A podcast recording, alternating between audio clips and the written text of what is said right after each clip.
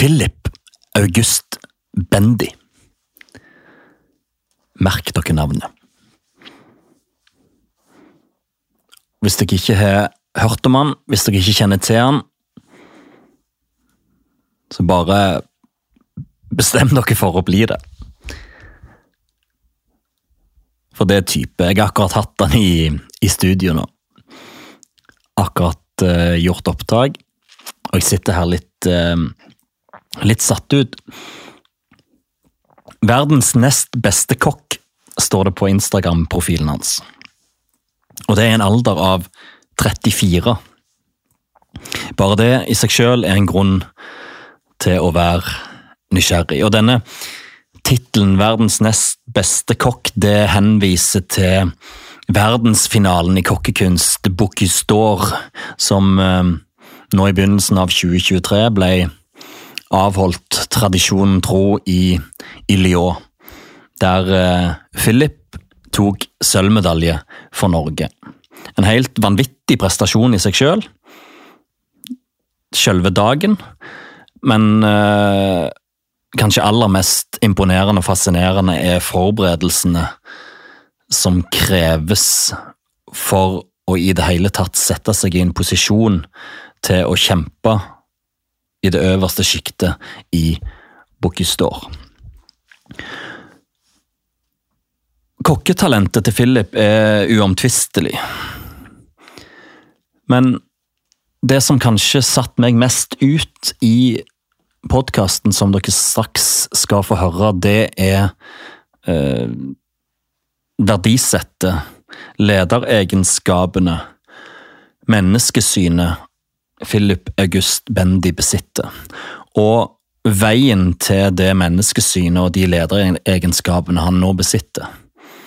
Hvordan han har gjennom ulike erfaringer endt opp med å være den han foreløpig er. Rett og slett en ekstremt fascinerende type med en eh, ekstremt fascinerende reise, der han driver med noe i den ypperste verdenseliten, og der han overhodet ikke er ferdig med å bedrive det han holder på med på det ypperste nivået. Her er vi mye spennende i vente. Men først så syns jeg dere bare skal lytte til til den neste timen med, med Philip. Det er litt av en fyr. Kjør i gang.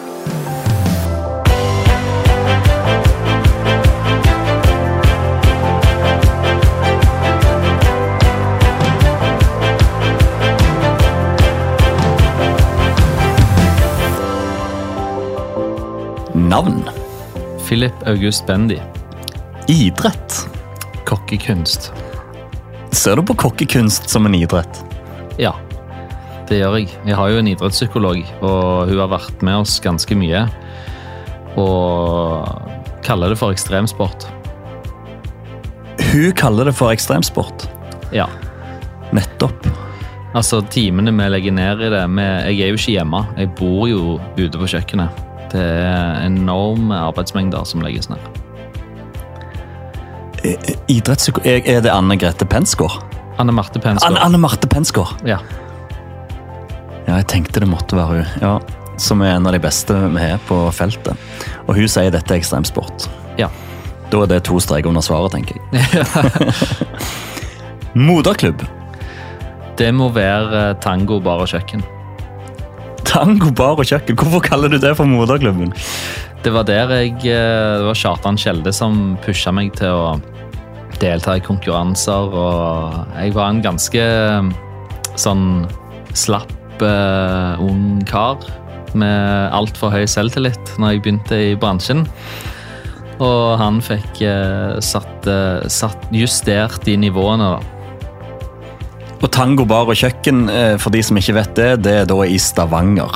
Eh, Det er i Stavanger, ja. Ja. Altså, det gamle restauranten som jeg jobber på, den fins ikke lenger. Det fins jo en ny restaurant som heter Tango, men eh, der er ikke Kjartan, og det er en litt annen greie. Ja, nettopp. Så jeg skjønte at du er ikke fra Stavanger, du er fra Sandnes. Stemmer. Ja. Men du begynte på tango. Ja. Kult. Første konkurranseminne. Det var når jeg var med i uh, Rogalandscup som, uh, som lærling. I Rogalandscup. Mm. Det jeg forbinder med Rogalandscup, det er å skyte ballen inn i et nett på en fotballbane. Men dette var altså kokke, kokkenes Rogalandscup. Ja. Hvordan fortoner det seg? Det fortoner seg sånn at vi, vi, var tre lærlinger på tango. Så først og fremst så måtte vi konkurrere om hvilke to som fikk lov til å konkurrere. Den tredje fikk være med å organisere. Eh, og da ble det meg og Tony. Eh, og vi konkurrerte to ganger. Vi vant, eller kom videre fra Rogalandscup begge gangene. Vi vant aldri Norgescup, men uh, i en sånn ung fase av konkurranselivet, eller uh, hva en måtte være, så, så, mener jeg på riktig at det er ikke så viktig å vinne. Uh, det aller viktigste er egentlig å gjøre mest mulig feil, for det er de du lærer av. Oi. Og, eh, oppriktig talt, hadde du den inngangen allerede da? Nei, nei, nei, nei. nei. det hadde jeg ikke. Men jeg har prøvd å være relativt filosofisk hele, hele tiden. Jeg har, jeg har, skrevet dikt siden jeg var sånn tolv. Har du skrevet dikt? Ja, ja, massevis. Så jeg har alltid prøvd å være litt sånn filosofisk av meg om, om hverdagen og det jeg driver med og sånn. Sette ting i perspektiv. Ta et steg tilbake og se på hva jeg holder på med. og sånn. Så jeg har hatt et nyktert, nyktert syn på det jeg har holdt med. Er det dikt om livet, da, eller er det dikt om matlaging, eller Hvilket lyrisk univers er det du beveger deg i? Det er stort sett følelser. Ja. På, på en eller annen måte. Det begynte jo ganske Jeg husker når jeg var 13, så skrev jeg et dikt om, eh, om penger. Om hvordan det ødelegger folk, og at det ikke er bra for menneskeheten. Eh, så men jeg skrev òg et dikt om Jimmy Hendrix, så det var ikke bare følelser den gang. Fy søren, interessant. Mulig vi kommer inn på dikt igjen. Største opplevelse i karrieren? Det må ha vært når jeg vant Årets kokk. Og fikk lov til å bli Norges representant i Bocuse d'Or. Men uh, jeg deltok jo i Årets kokk tre ganger. 2017, 19 og i 21 så vant vi. Det er jo bare annethvert år. Um, og det er et nåløye, altså. Uh, hvis du tenker d'Or, da, så er det et dommerpanel der med liksom, noen av de flinkeste kokkene fra de 24 landene som er representert. Men sånn helt ærlig så er det ikke alle av de 24 landene som egentlig nesten vet hva de får servert. Um, det er ikke alle som er så flinke. Men i Årets kokk så er det jo bare norske akademikokker og Michelin-kokker. Det er jo bare en haug med legender. Eh, alle har skyhøye forventninger, og nivået er enormt, altså. Det, så å vinne det og få lov til å representere Norge, det er nåløya. I noen land, så kan du egentlig bare si jeg har lyst til å være Bocuse-kandidat for landet mitt, og så kan du stille. Uh, hvis det hadde vært sånn her, så hadde det jo ikke vært vært noe Altså, å stille i Bocuse er Jeg vil nesten si at det er en hyggeligere reise enn Årets kokkreisen. For da har du jo Du må jo finne sponsorer, og du er stort sett på egne bein. Mens i Bocuse så har du et apparat rundt deg. Og du setter rett og slett det årets kokkøyeblikket høyere enn Bocuse d'Or-sølvet. Ja. Interessant. Hjertelig velkommen til våre vinnere, Philip August Bendy. Tusen hjertelig takk.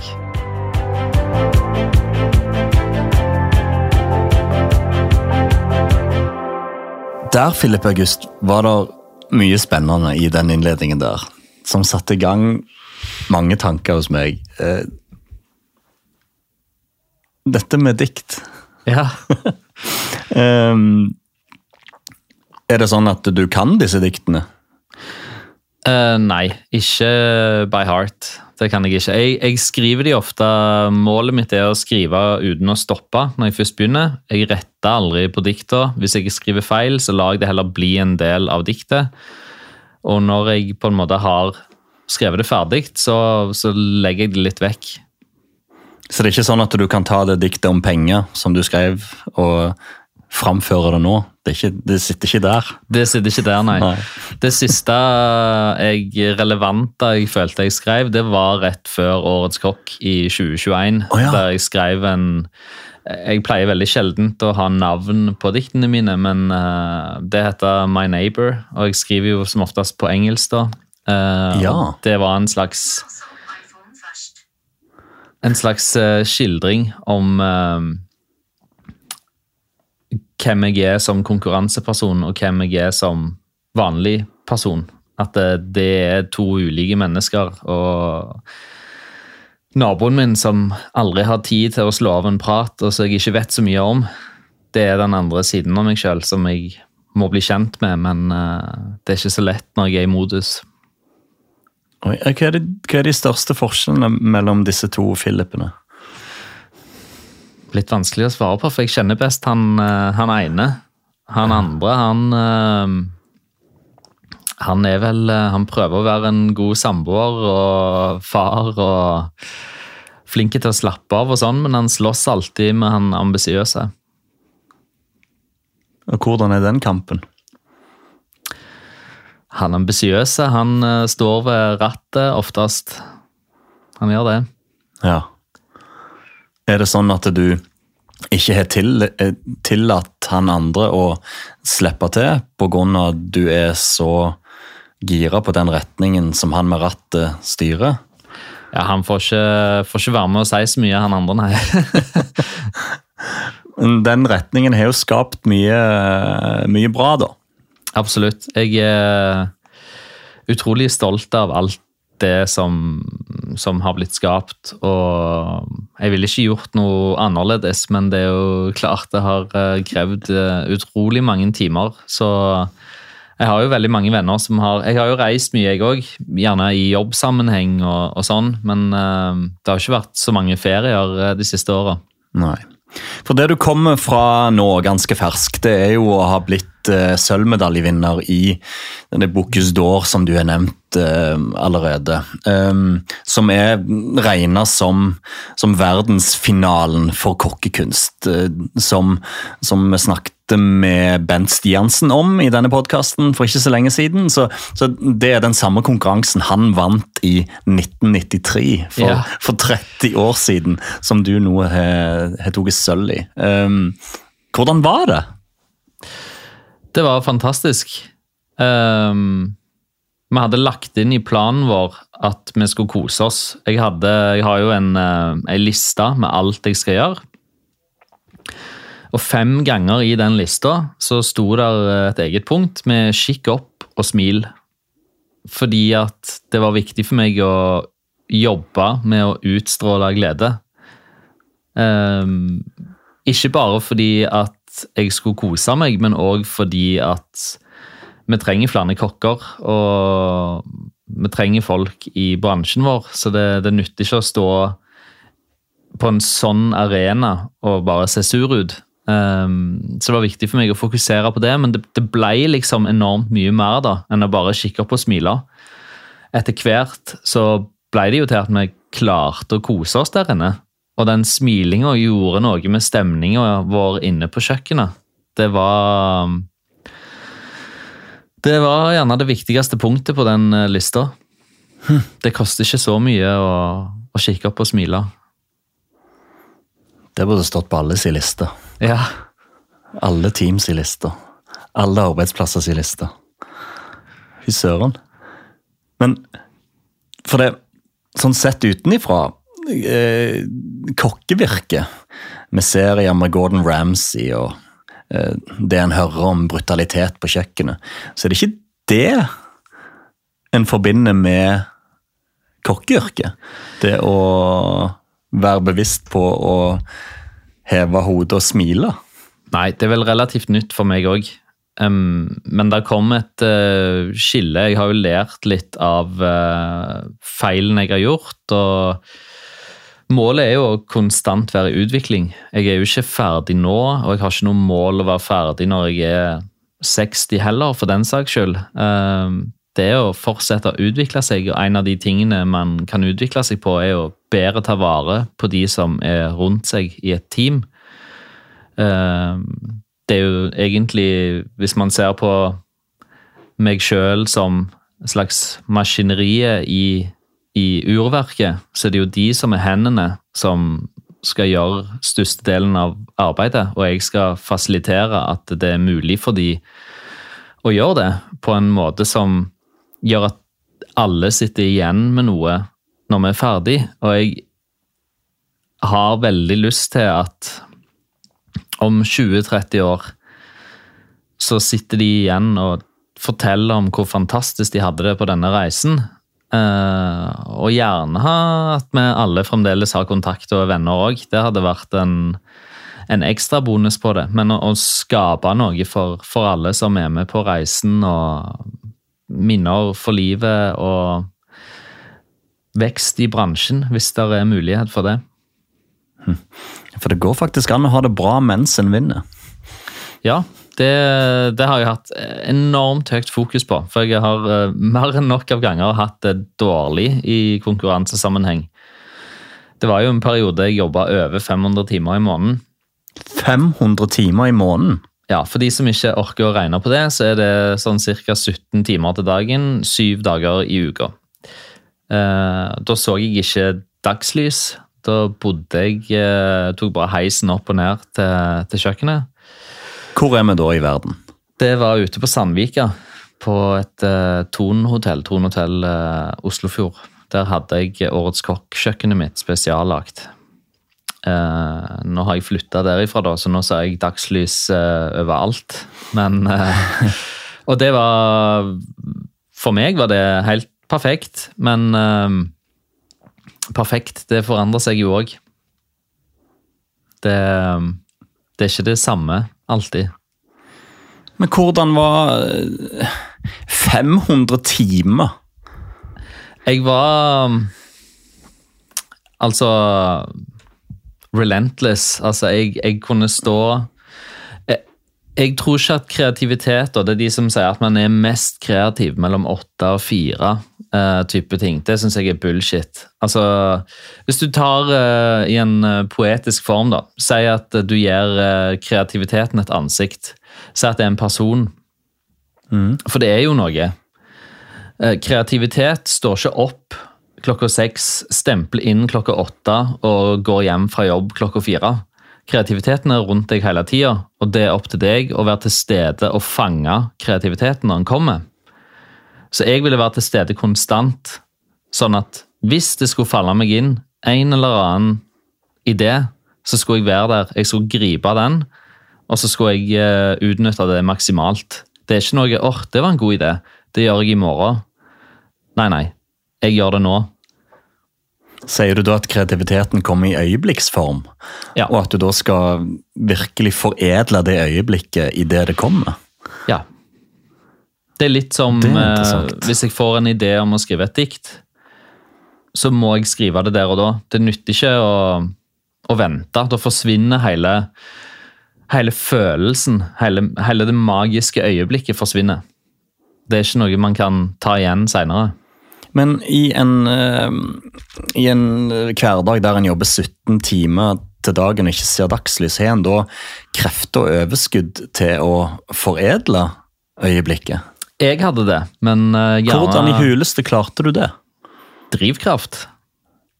Vilje. Um, og hvor men, var drivkraften? Den sitter på innsida. Ja. Det er vanskelig å forklare, men uh, lysten til å vinne Årets kokk var bare så enormt stor, da. Det her var jo i 2019. Da vant vi sølv. Um, så det ble ikke noe billett til til Bocuse d'Or da. Uh, men jeg bestemte meg jo etter den runden å prøve å jobbe mindre. Egentlig ikke for min egen del, men for alle rundt meg sin del. Jeg, jo, jeg har jo en samboer og teamet jeg hadde og sånn. Det, det er litt sånn når man uh, virkelig fokuserer på noe, og så går man all in, og så tar man og retter opp blikket og ser rundt seg etterpå, så er det en sånn slagmark man har uh, ved siden av seg. Det er ikke helt bra. Så fokuset har uh, vært mer og mer på at det skal være en behagelig reise. da. Men Hvem er det du jobber sammen med på dette tidspunktet? Hvordan er dynamikken i, i arbeidshverdagen på det tidspunktet? Jeg har et enormt uh, apparat rundt meg, egentlig. Uh, jeg er jo ansatt i, i Tone Hotels, og de har fasilitert sånn at jeg har kunnet ansette et team alle på teamet mitt har fått lønn. Sånn har det aldri egentlig vært før. I vår bransje så har det vært mye sånn at eh, det har vært på dugnad. Eh, det er det slutt på, i alle fall for min del. Mm -hmm. Det har aldri vært et alternativ i, i Ton, eh, så jeg hadde mulighet til det. Jeg har, det et team av folk som har vært lærlinger for meg eh, venner, kokker, og så har du jo designere, fotografer, idrettspsykolog, mentaltrener. Og så forgreiner det seg ut i sponsorer og andre typer samarbeidspartnere. Men fra dag til dag så har det jo vært meg og gjerne fem-seks andre kokker, da. Som eh, står opp og spiser frokost, og så har vi et mål for for dagen. For meg som uh, liker å være kreativ fram til vi har bestemt oss for hva vi skal gjøre, så er jo arbeidsdagen litt uforutsigbar. For, uh, og det kan være vanskelig å forholde seg til for de rundt meg. Men uh, jeg lurer jo alltid på hva kan jeg komme på i dag? Altså hva, hva kan jeg skape i dag som ikke finnes fra før av? Og hvis jeg ikke ser det for meg, så er det jo akkurat som et tomt lerret som jeg på en måte skal klare å fylle. Men på dette tidspunktet, da, i 2019, du, har du kommet dit i din egen menneskelige utvikling at eh, fokuset på menneskene og trivselen og folkene allerede er der da? Dessverre ikke. Nei. Det eh, har kommet mer og mer mot uh, Årets kokk i 2021, og definitivt etter det. For jeg eh, måtte jo bytte ut hele teamet mitt etter vi vant Årets kokk. Eh, Oi. Det var noen som ikke ville være med videre, noen kunne ikke av andre årsaker, men uansett uh, Jeg var jo helt uh, euforisk etter vi hadde vunnet Årets kokk i noen dager. Helt til jeg fant ut at jeg var alene. Og da kom angsten. og da måtte jeg skape et helt nytt team. Uh, var jeg, da var jeg ganske redd, egentlig. Men eh, jeg måtte gå litt inn i meg sjøl, og jeg fikk stabla sammen et team. Og det var av noen jeg har kjent siden jeg var 14, sant? noen gamle kollegaer, noen nye ansikter. Um, og når vi begynte å jobbe sammen, så kjente jeg liksom at bo, det her er litt tungt. fordi de andre har jeg jo jobba med i fem år. De, de, kjenner til rutinene mine og hvordan jeg liker å ha ting og sånn. Her må vi skape alt på nytt. Men jeg tenkte at eh, ok, jeg, eh, jeg kan ikke fortsette sånn som jeg har gjort før. Jeg må være eh, bedre. Jeg må sørge for at dette blir bra. Og nå har jeg jobba så mye for å komme her. Dette dette må bli Jeg må sørge for at det blir et godt minne, et positivt minne. Men hva var det du gjorde, da, som gjorde at du skremte vekk alle? Som gjorde at du sto igjen alene? Jeg tror jeg eh, tærte litt, eh, litt mye på de. Det var mye fokus på hva som ble feil, istedenfor fokus på hva som var rett. Uh, nå har jeg egentlig, hvis det har vært noe som har vært feil, så har jeg egentlig prøvd å bare le litt av det. Og, men i hovedsak uh, så har vi jo òg hatt høyt fokus på at alle følger med, alle tar vare på hverandre. Det, det, skal ikke bli gjort så mye feil, og hvis det blir gjort feil, så er alle med og på en måte fikser det og retter det opp. da. Men den balansegangen der er jo hårfin i et prestasjonsmiljø. Og i alle fall i et prestasjonsmiljø som skal bli best i verden. Uansett hva en driver med. Men hva er det den Du omtaler det sjøl som en feil måte å være på. Hva er det den måten å være på kommer fra? Hva er det det stammer fra? Den feilledelsen? Jeg kommer jo fra at eh, et arbeids, arbeidsmiljø som eh, har bydd på mye forskjellig. For min del så har jeg hatt godt av det. Jeg, jeg ville ikke gjort noe annerledes. Jeg ville ikke hatt noen andre ledere. Men jeg ser at den type måte å bli leder på passer ikke for alle. For meg var det gjerne unikt at det på en måte var greit for meg. Men jeg har jo kommet på jobb med, med blåmerker og eh, fått mye kjeft opp igjennom. Og, og som sagt, jeg, jeg, eh, jeg hadde godt av det. Det var jo ikke sånn at jeg nøyde nøyd og trivdes med det, men jeg hadde et mål allerede da om at jeg skulle bli best, og jeg visste at eh, det var folk som var bedre enn meg. Til og med på min egen arbeidsplass. Eh, spesielt uh, i sånn når jeg var på, på Noma, da, for eksempel. Og jeg så på det som å få veldig mye kjeft, eller ja Bli kasta ting på som et litt sånn ekspresstog mot å bli bedre. For det var ikke noe filter. Bli kasta ting på? Altså steigespa og Nei, det var ikke noe sånn tunge ting. Det var vel gjerne mer eh, la oss si, eh, en sprøytepose, da. Med, med noe emulsjon på, for eksempel. Ja. Litt sånn hvis han hadde for lite salt i seg, for eksempel. Så kunne du plutselig få den i fleisen, da. Såpass. Og Noma er jo verdens beste restauranttyp i København. Det er det. Ja. Jeg, eh, jeg sendte faktisk melding til René eh, etter Bocuse. Og René er Eh, René Redzepi er jo sjefen på Noma. Nettopp.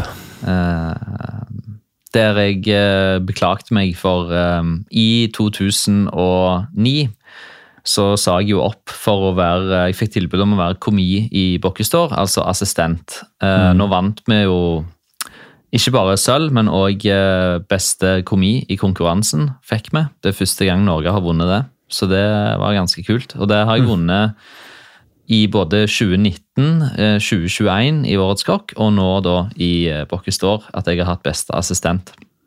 Ah, kult. Eh, men eh, Men ja, eh, René eh, digresjon der. Det forteller jo mye hvordan du er med de rundt deg.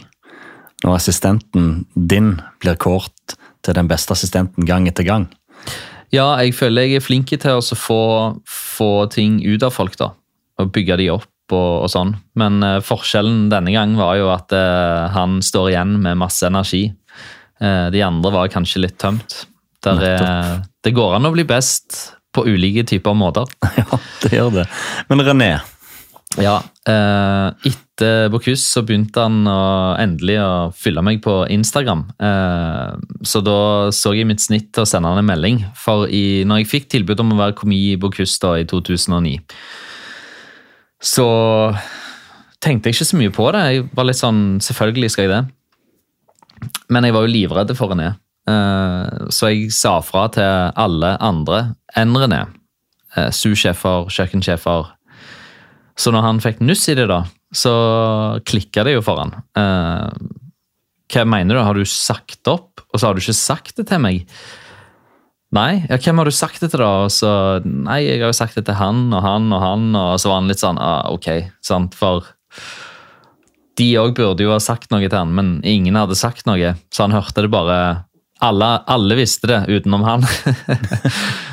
og det førte til at han eh, skjelte meg ut i uh, rundt et et kvarter. Det er ganske lenge å få kjeft. det er ganske lenge.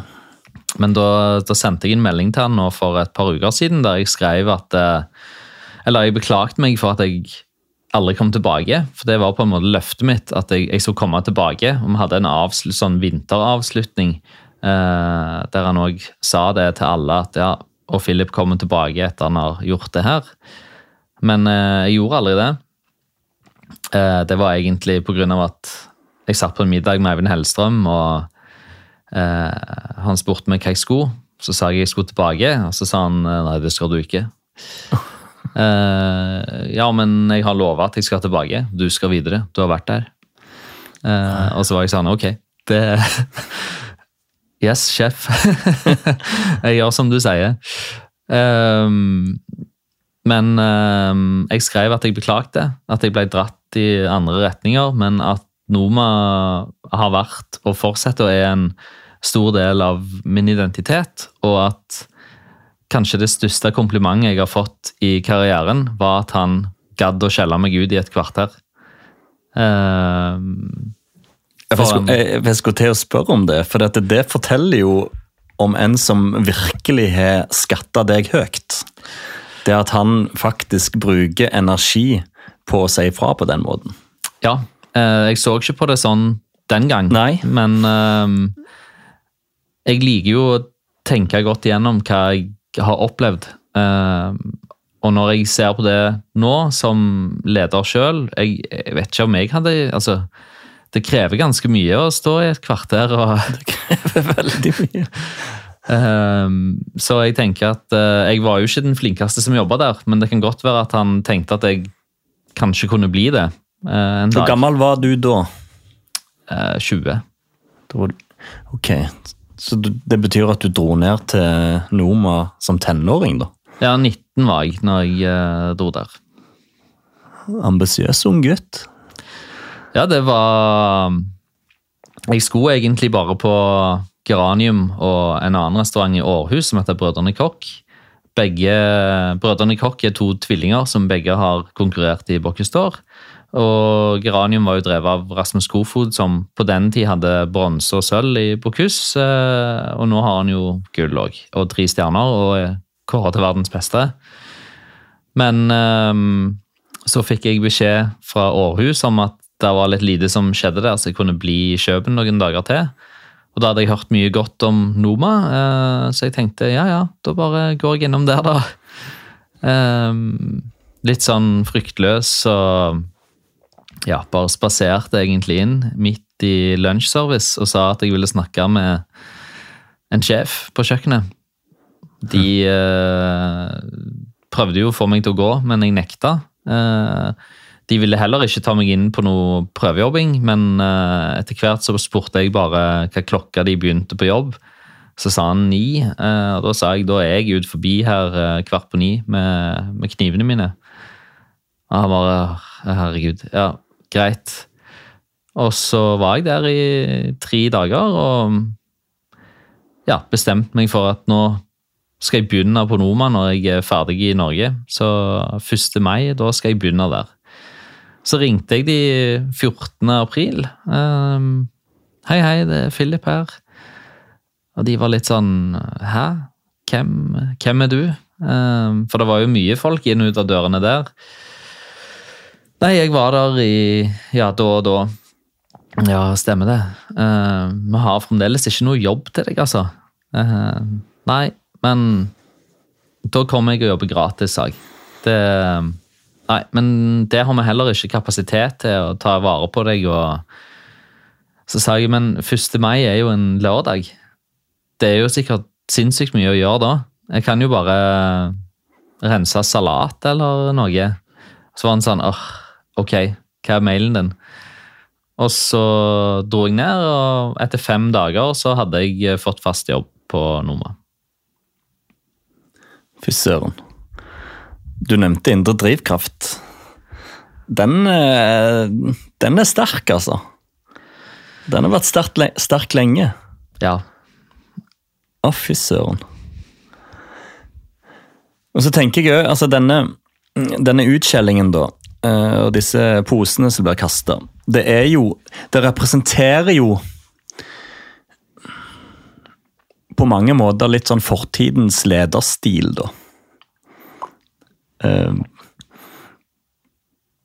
så det er jo ikke rart at du som ung, fremadstormende, ambisiøs gutt som har opplevd dette, tar med deg noe av dette inn i ditt virke i det videre liv. Det, det, det hadde vært rart hvis du ikke gjorde det. Ja, man ble jo litt skada. Det skal Ja. sies, jeg har aldri kasta noe på noen, med mindre det har vært en spøk. Eh, Eller eh, vært fysisk. Det har jeg alltid følt eh, Det kan jeg ikke gjøre, det er feil. Eh, men jeg har vært eh, hatt nødt til å temme min egen mitt eget sinne. Altså, der er jo en Du har så lyst til at ting skal bli perfekt, og når det ikke blir det, så, så må man uh, Det er jo en reaksjon, da. Men det er jo noe å jobbe med, det òg. Altså slutte med det. Altså Finn en annen måte å lede på. Uh, og den måten som har vært nå Hvis jeg, hvis jeg har vært skikkelig sint, da Det nye teamet mitt de har aldri sett meg skikkelig sint. Jeg, tror ikke de tror at jeg kan bli det engang. Hvis jeg har blitt sur på noe, så har jeg gått meg en tur. Eh, og hvis si vedkommende som jeg har hatt en konfrontasjon med, har kommet og sagt beklager, så har jeg gjerne sagt at eh, du, vi, vi snakker ikke mer om dette i dag. Dette kan vi diskutere i morgen hvis det er noe å diskutere. Fordi at i øyeblikket så, har man jo, så er man jo fylt med følelser. Det burde ikke være følelser i det. Man burde bare reflektere over hva er det egentlig som har skjedd. Og så komme tilbake med konkrete svar og tilbakemeldinger som kan ordne det, sånn at det ikke blir noe en annen gang. Ikke lade på med masse emosjonelle greier som fører til at det blir en større greie enn det trenger å være. Det der er skikkelig interessant. Men nå vil jeg, nå vil jeg Philip, at du skal ta oss med. Du skal ta oss med til, til øyeblikket, da, når, eller til tiden, perioden. Årets kokk er vunnet. Det er nytt team på plass. Jobben starter mot eh, Bocuse d'Or. Eh, hva skjer? Um, da står vi egentlig og bare Ja, hva, hva gjør vi nå, liksom? Det, nå skal vi finne på noe til, til Bocuse. Skal jeg finne på alt nytt? Skal vi lage noe vi har lagd før? Eh, det er jo et litt sånn ukjent terreng, egentlig. For det er ikke det samme som Årets kokk. Og så er det litt sånn, det er jo ingen av de som har noen av de har jo Instagram og sånn, men eh, det er jo ikke gitt at alle sitter og ser på hva jeg holder på med på Instagram. Så ok, jeg, jeg har eh, Jeg tror jeg kan bruke noe av det jeg har lagd før, og så lager vi noe nytt. Og så var det jo litt å Alle kommer i sånn ukjent farvann og skal, skal begynne å jobbe. Jeg hadde jo òg med meg eh, lillebroren min på teamet. Jeg har Ja. jo tre brødre. Eh, to av de har eh, gått kokkeveien, så han mellomste han, eh, han ble med på teamet. Jeg har jo aldri vært så mye med han før som, som nå. Det har vært eh, fantastisk. Eh, for jeg har jo jobba hele, hele livet hans, eh, egentlig. Ja, Eh, 500 timer. ja. Så Nei, vi Men vi satte rammer, da, for at eh, Eller jeg prøvde å sette rammer for at ting skulle være bra for teamet. Og mot Europa så var det ganske bra. Men uh, vi flytta jo inn i et nytt kjøkken som Ton bygga for oss ute ved Gardermoen uh, i august. Det er en eh, glasskuppel vi var omringa av skog og natur. Um, så der var det liksom meint til å bli bra, da. Men uh, etter Årets kokk så var vi fremdeles i, i kjelleren uh, ute på, på Oslofjord. Og veldig bra kjøkken um, og fasiliteter og sånn, men det er akkurat som det sitter litt ting i veggene fra, fra gammelt av. Det, det er ofte godt med et miljøskifte. Jeg tror det, det er jo gjerne derfor man flytter som privatperson inn, i en, inn i et nytt hus, i en ny leilighet, for å på en måte fjerne støyen som har vært, og få et nytt miljø rundt seg mentalt. Og det var viktig for oss, men mot eh, Europa så, så satte vi noen rammer for hvordan ting skulle være, og vi lærte utrolig mye på den reisen. Jeg, jeg trodde nesten ikke at vi skulle havne på pallen i eh, Europa, fordi eh, det skjedde så mye greier på konkurransedagen. De eh, drev jo sånn plastdommere som kommer inn på kjøkkenet og skal se gjennom alt og se at du ikke har juksa og, og sånne ting. Um, og de begynte å se på tingene vi hadde med oss, uh, og begynte å ta ting. Og da begynte jeg jo å diskutere på det, og de mente jo at uh, jeg hadde gjort feil.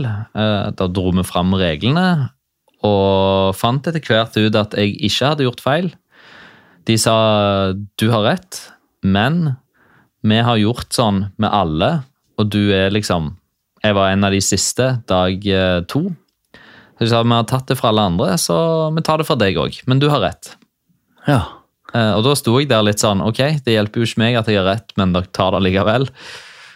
Uh, og egentlig så skal det ta rundt ti minutter for de her plassdommerne å være inne og sjekke gjennom kjøkkenet, men de var hos oss i, i 45 minutter.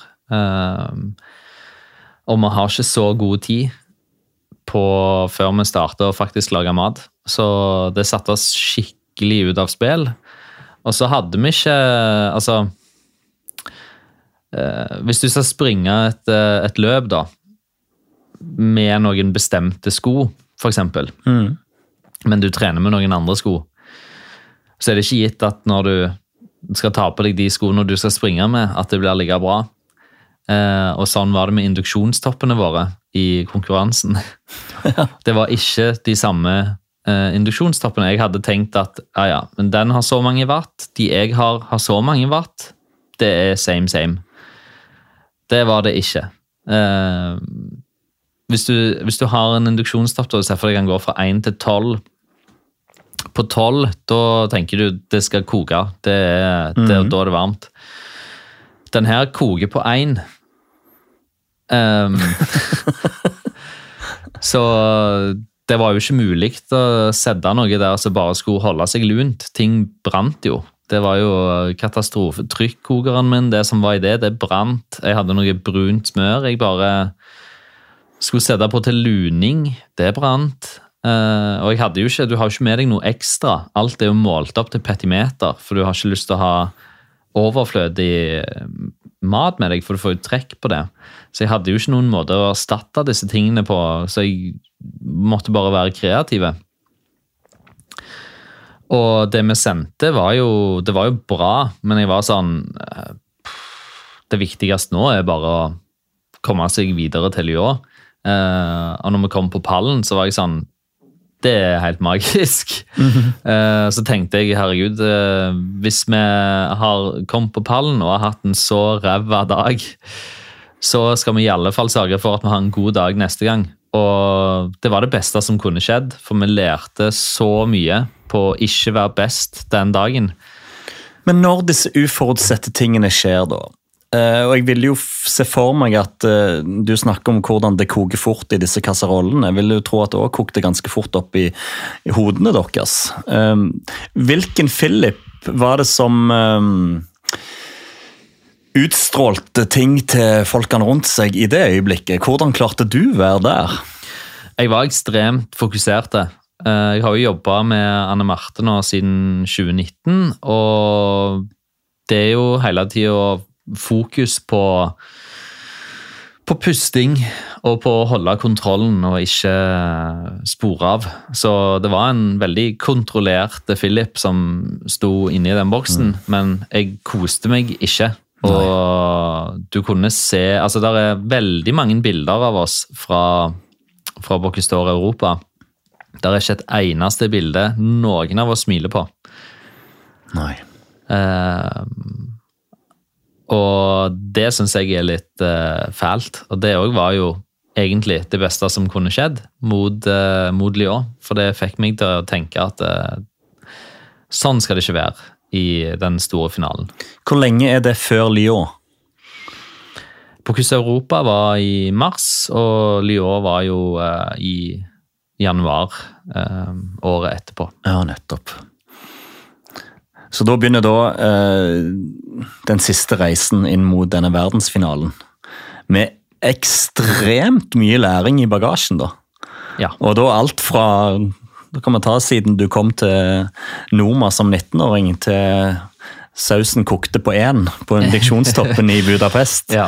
Som du da drar med deg inn i de månedene fra mars til januar, vil jeg tro. ja. Hvordan angriper dere de månedene? Um, først og fremst så var det jo å skape noe mot, uh, mot Lyon, og det var jo at vi begynte med å sanke sesongene.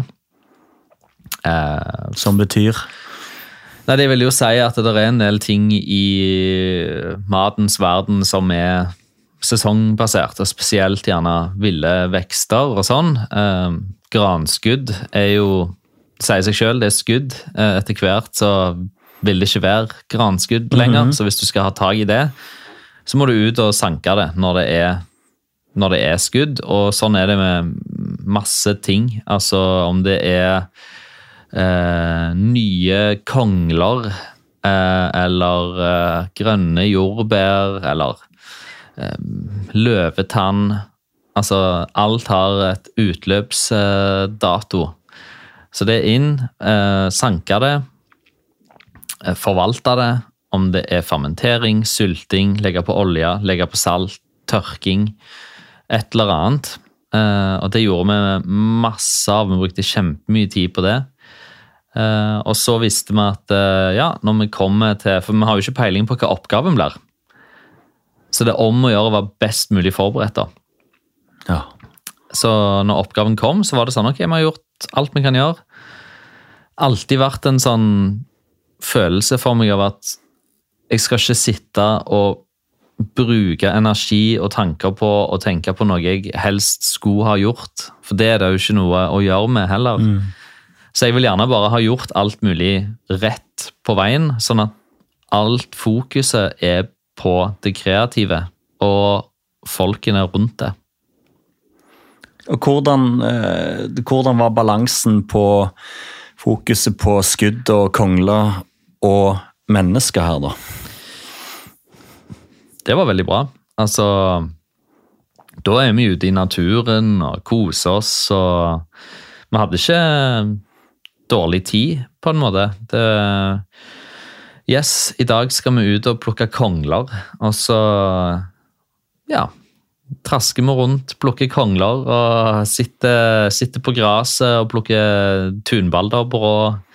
Eh, som er sånn ville vekster og nyter sol og ja, reiser tilbake til kjøkkenet. Renser det, vasker det og, og gjør ting. Og det er jo en jobb som skal gjøres, men relativt koselig, egentlig.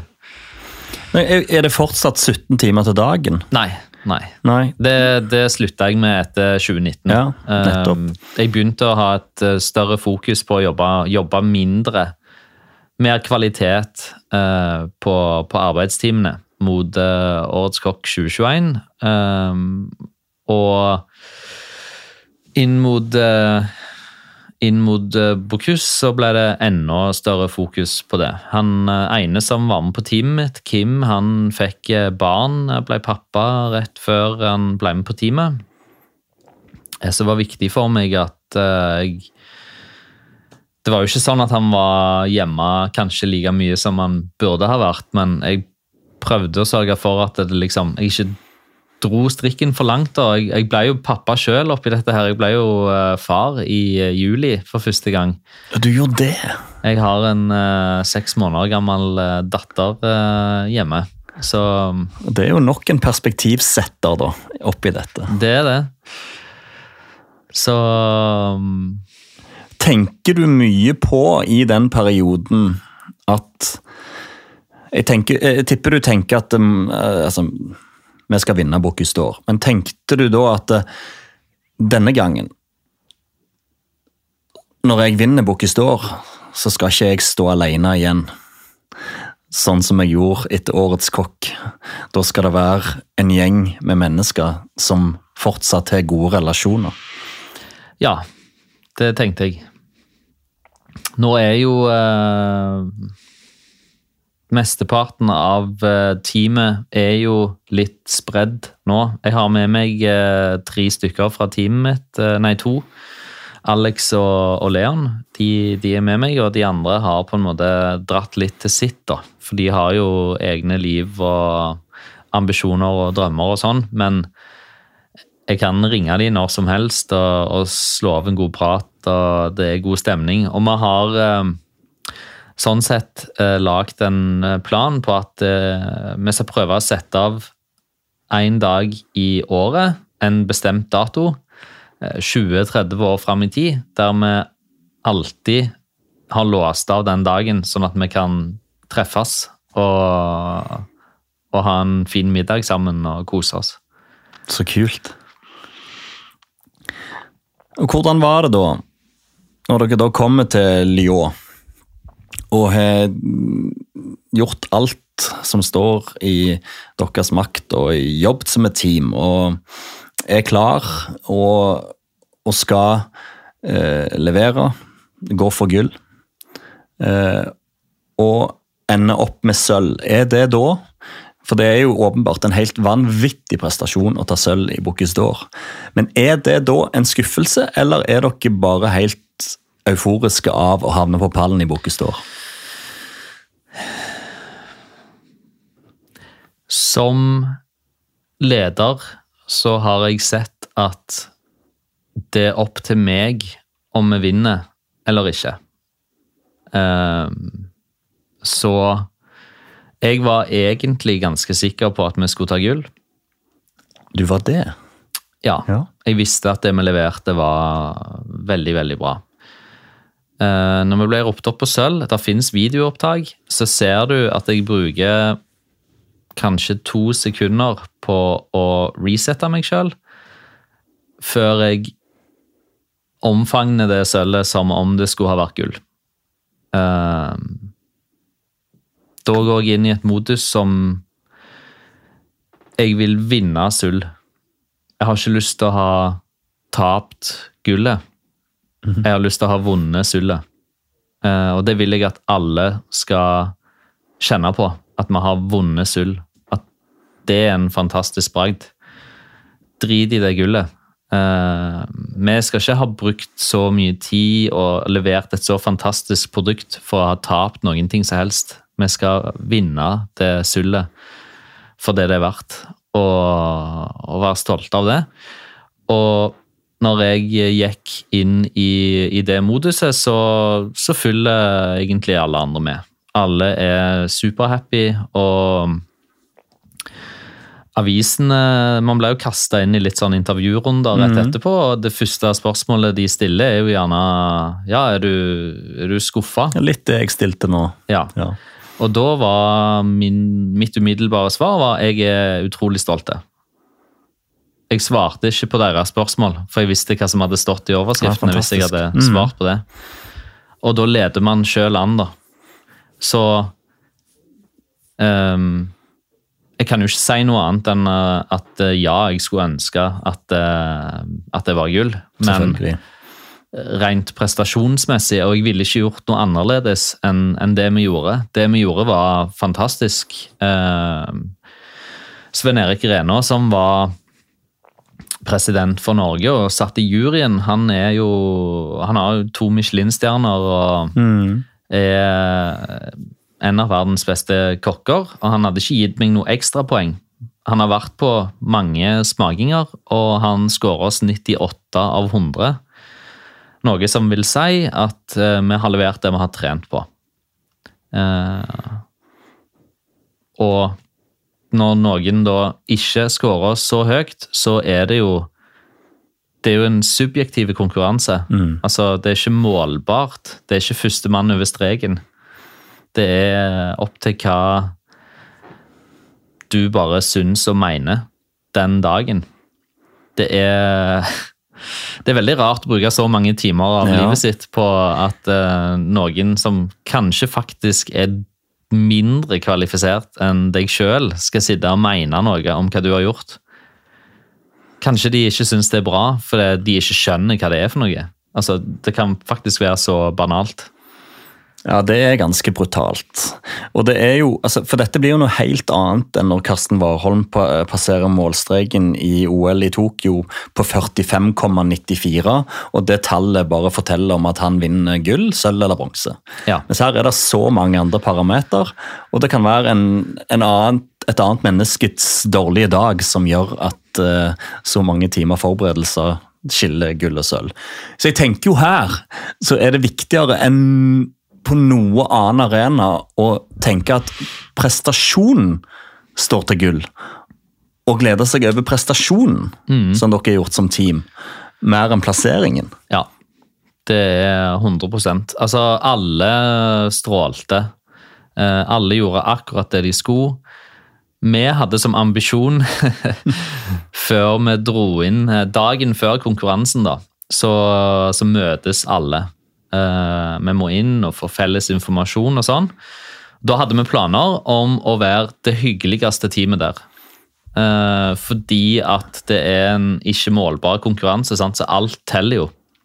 Så vi gikk og hilste på alle og slo av en prat med alle som på en måte virka interessert i det. Var hyggelige, og vi begynte med det smilegreiene allerede da. For jeg vet at uh, det er fort gjort å bli sånn Ja, Norge, de bare står og ser sure ut i hjørnet, liksom.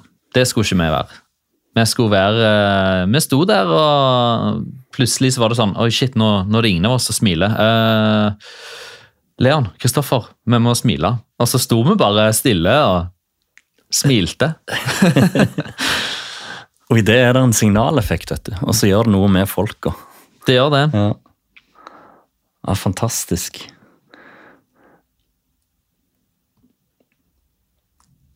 Hva nå? Godt eh, spørsmål. Jeg eh, vet ikke om jeg kan svare på det helt sjøl engang. Nei? Eh, jeg eh, Jeg har eh, hatt telefonen på litt sånn ikke forstyrr-modus. Eh, egentlig vært mye hjemme med Ava og, og Alba. Prøvd å være litt pappa og samboer. Eh, ikke tenke så mye på hva som, hva som kommer etter. Prøvd å reflektere over prestasjonen og, og sølvet og alt vi opplevde der nede. Eh, så har vi jo òg organisert og rydda kjøkkenet. Vi har tatt farvel eh, opptil flere ganger. Eh, det var emosjonelt eh, å si, si snakkes til, til gjengen, eh, og nå har det gått en eh, rundt tre uker, eh, og ja, jeg tenker på hva som kommer, samtidig så føler jeg ikke at jeg Jeg går ikke ut på dato. Jeg har ikke noe, eh, jeg har ikke noe bråhast. Eh, Jeg prøver å finne ut av eh, veien eh, videre. Det eneste jeg vet, er at jeg er fremdeles sulten. Jeg har fremdeles et mål om å bli best. Jeg er ikke, jeg er ikke best ennå. Jeg ser hvor ekstremt mye utvikling der er. Jeg har jo 50 000 bilder på telefonen min. 50 000. Ja. Der jeg kan se tilbake på de ulike tingene jeg har lagd og prøvd å lage. og sånn, og Når jeg ser på utviklingen min eh, gjennom de siste årene, så har jo den vært enorm. Eh, I form av mm, utfolding av kreativitet, gjennomførelse, eh, identitet og sånne ting. Så jeg tenker jo Det er jo ikke sånn at den reisen stopper med på kuss. Den fortsetter jo. Eh, vi skal jo fortsette å utvikle oss, fortsette reisen om å bli best. For hva er å bli best? Altså, det er jo heller ikke målbart. Ja, du kan vinne verdens beste restaurant. Um, og det er en sinnssyk prestasjon, men det kan jo fort være at jeg egentlig foretrekker mor sin lammefrikassé istedenfor det måltidet der. Men det handler vel om å bli den beste versjonen av seg sjøl. Konstant pushe grenser og bli bedre. Den reisen skal fortsette. Er det sånn at du tenker at du kan være med på dette igjen? At du vil være med på dette igjen? Eh, jeg har tenkt på det. Det er til vurdering. Eh, fordi det vi skapte nå, det var så fantastisk. Vi hadde det jo så gøy. Vi Jeg kan ikke tro at noen har vært med i Bokus som har hatt det så bra som vi hadde det nå. Vi har faktisk eh, kost oss, og jeg har gitt beskjed til teamet eh, mange måneder før konkurransen at nå må dere huske å nyte det her, for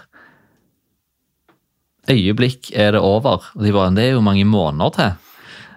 Nei, altså Snart står vi her, og det er over. Dere, dere kommer ikke til å liksom eh, Bare prøv å nyte hver dag, vær så snill. Eh, og, og, det har vi gjort. Um, så å gjøre det om igjen er absolutt en mulighet, fordi jeg er ennå sulten.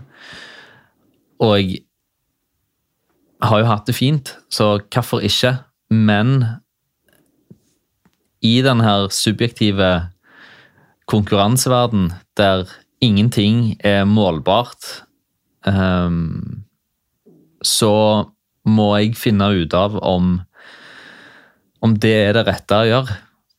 Å investere For livet er jo tross alt ikke så langt, da. Skal jeg bruke over to år av livet mitt på å gjøre dette om igjen, og kanskje være best, men noen andre bare foretrakk noe annet? Eh, eller burde jeg investere de årene og den tiden og den energien og det fokuset på å bygge noe helt annet? Fordi at eh, Bocuse det er en fantastisk reise, men når den konkurransen er over, så er Bocuse over. Mm.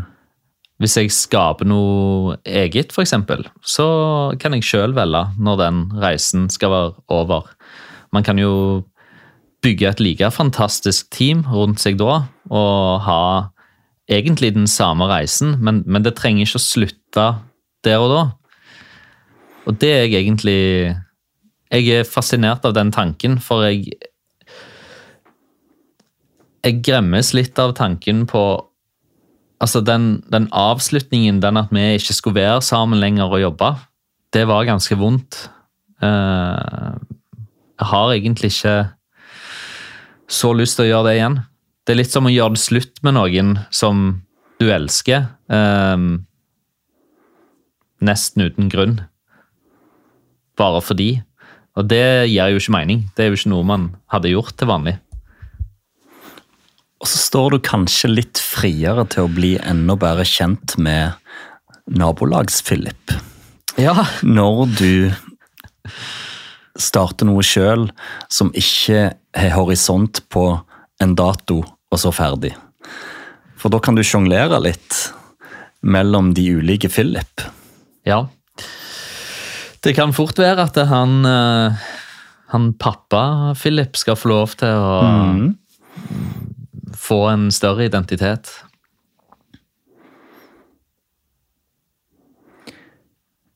Hvis du skaper noe sjøl, altså skaper et nytt team, hvordan vil du beskrive lederfilosofien du vil dra med inn i et sånt prosjekt? Hvis du har vært på en uh på en eh, klassisk eh, konsert noen gang, eller uh, sittet og sett på et Beethoven-stykke eller et eller annet sånn, så er det jo en dirigent. Jeg vil være han dirigenten som passer på at uh, han som skal spille fiolin, han spiller fiolin når fiolinen skal spilles, og hun som sitter på harpa, hun har kontroll på det. Uh, egentlig bare ha et overblikk på at alle har det bra. Og når alle har det bra, det er full kontroll, jeg har oversikt, hva skjer da? Da spilles symfonien perfekt, og etterpå så klapper alle. Så tanken er at eh, da skal jeg sørge for at alle har det bra, inkludert meg sjøl. det òg er jo viktig på reisen. Jeg må ha det bra for at alle andre skal ha det bra. Ehm, og sammen da så kan vi skape, skape noe som er virkelig magisk. Hva er en vinner for deg? Hva er en vinner? Det Jeg tror det er mange vinnere. Men eh, kanskje den største vinneren er den som er tilfreds og stolt over seg sjøl og klarer å være snille med de som er rundt seg. Det tror jeg er vinner. Den definisjonen tror jeg oppsummerer den du har blitt. Det tar jeg som et kompliment. Gjennom et ekstremt interessant liv og en ekstremt interessant reise, tross din unge alder. Eh, så sitter du på ekstremt mye erfaring som jeg tror du kan ta med videre og skape magi, rett og slett. Eh, vært veldig fascinerende å, å bli kjent med deg. Tusen takk. Um, har du skrevet dikt om Bocuse d'Or-opplevelsen?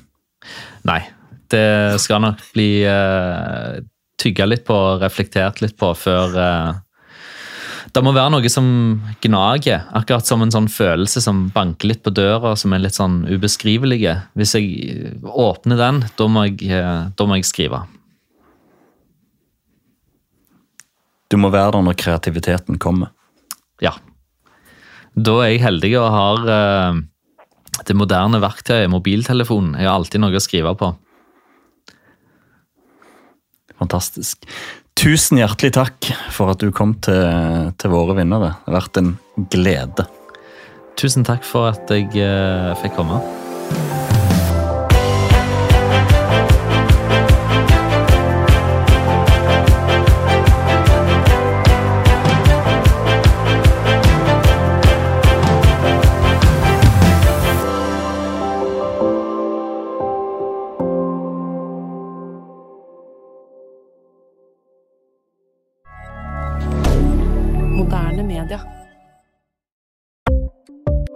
Ukens annonsør er Folio, en smartere banktjeneste for deg som har en egen bedrift eller ønsker å starte for deg selv.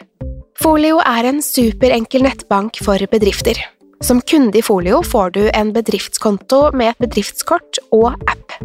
I denne appen er det smarte løsninger som forenkler regnskapet ditt, uansett om du har en liten bedrift eller et enkeltpersonsforetak. Folio er både intuitivt og brukervennlig, og er laget med et enkelt språk. I tillegg tilbyr de forutsigbare priser og ingen skjulte gebyrer. Skulle du likevel trenge det, så kan du snakke med deres raske og hyggelige kundeservice, og der får du prate med en faktisk person og ikke en chatbot.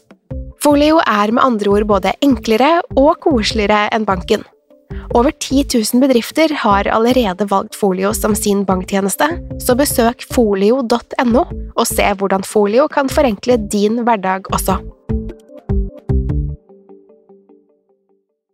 Har du et enkeltpersonforetak eller en liten bedrift? Da er du sikkert lei av å høre meg snakke om hvor enkelt det er med kvitteringer og bilag i fiken, så vi eh, gir oss her, vi.